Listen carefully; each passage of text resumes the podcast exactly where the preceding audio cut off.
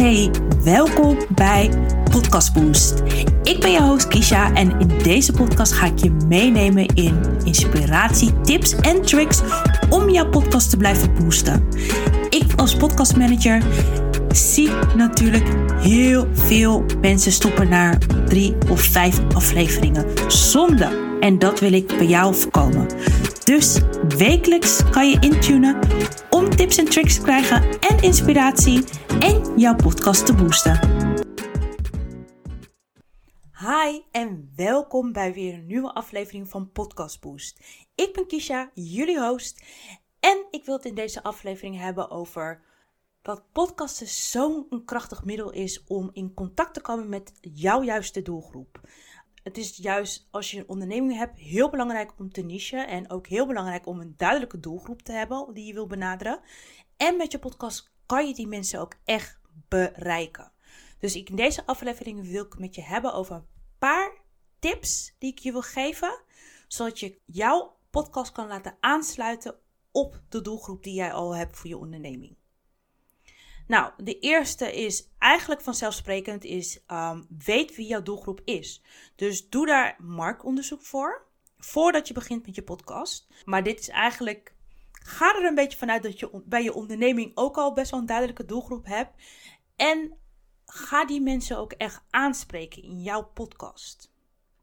Nou, ten tweede is bied dan ook echt waarde met jouw podcast. Dus alle tips en tricks die je normaal op social media deelt, die kan je nog uitgebreider vertellen en met passie delen op jouw podcast. Mensen gaan gepassioneerd raken van jouw stem en horen van, nou ja, wat voor waarde jij kan overbrengen. Soms komt het veel beter over met spraak en met audio dan alleen maar door mensen te laten lezen. Daarom is podcasten ook zo een krachtig middel. Tip nummer drie is kies de juiste gasten. Dit kan ik echt niet vaak genoeg benadrukken. Ehm, ik ben er echt een voorstander van om niet alleen maar je vrienden of je business buddy te, uit te nodigen voor jouw podcast. Als die passen bij het onderwerp die je wil bespreken, als die passen bij het onderwerp die bij jouw podcast horen en bij de doelgroep die jij hebt, tuurlijk mag je ze uitnodigen. Maar hou het ook echt op dat onderwerp en op dat Ehm, niveau. Want anders dwalen mensen snel af. Dus denk er goed na, over na van wie zal je willen uitnodigen in je podcast. En wat zijn de onderwerpen die je wil gaan bespreken. En daar moet je dan de juiste gasten voor gaan uitnodigen. Dus niet alleen maar vrienden en familie. Ehm, maar echt verder kijken van wie zal mijn doelgroep willen horen. Wie past bij het onderwerp dat, dat ik bespreek? En zo trek je de juiste gasten aan en pak je daarmee de aandacht bij jouw doelgroep. Nou, wat ook leuk is en wat ook echt belangrijk is bij een podcast, kijk, vaak missen mensen de interactie. Dat moet je zelf gaan creëren. Zorg ervoor bij de promotie door polletjes eruit te gooien. Als je nieuwe gasten hebt, zorg een vraagsticker dat mensen vragen kunnen insturen. Um, zorg dat je ze betrekt bij het hele proces. Dus als je pas begint bijvoorbeeld bij je podcast en mensen weten ervan, vraag ze van naar de naam, um, of dat je een naamidee hebt en vraag hun om de mening. Of nou, als je gaat opnemen in een studio, neem ze helemaal mee van hoe dat werkt. Dat, dat vinden mensen leuk om achter de schermen dingen te kunnen zien. Dus niet alleen maar, um, pas, dus niet alleen maar zenden, maar zorg ook dat je ze erbij betrekt. Je hebt ook verschillende tools hoe je dit kan doen. Ik zal ze linken in de show notes. Maar dat, dat de tools die helpen om bijvoorbeeld mensen zelf een audiobericht naar je toe kunnen sturen, vragen in kunnen sturen. Dat is zo fijn dat dat mogelijk is. En op Spotify tegenwoordig kan je QA's instellen, je kan polletjes instellen. Maak daar ook echt gebruik van. Naast dat je bijvoorbeeld de reacties krijgt op je Instagram of je LinkedIn, waar je het ook heel veel promoot.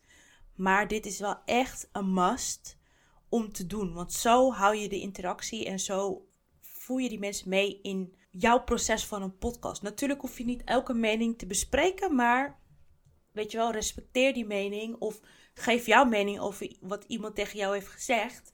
Neem dat mee. En als laatste is zorg voor kwaliteit. En daarmee wil ik zeggen is, kijk, ik ben er voorstander van, je kan heel makkelijk, tuurlijk kan je heel makkelijk op je telefoon opnemen. Ehm, je kan uh, buiten opnemen als mensen in de auto zijn. Maar ik, ik persoonlijk word afgeleid van heel veel geluid eromheen. Of dat de spreker die dan een verhaal aan het vertellen is, zelf is afgeleid omdat er iets buiten gebeurt en dat niet weggeëdit is. Dat zijn voor mij afleidingen en dingen waardoor ik afhaak. En als ik het ben, zijn er vast nog meer mensen die dat zo hebben. Dus wat ik wil zeggen is, zorg gewoon dat de kwaliteit goed is, zodat mensen ook, dat je verhaal ook echt goed overkomt. Dat je duidelijk bent met wat je wil overbrengen. Dat er niet, geen afleidingen zijn.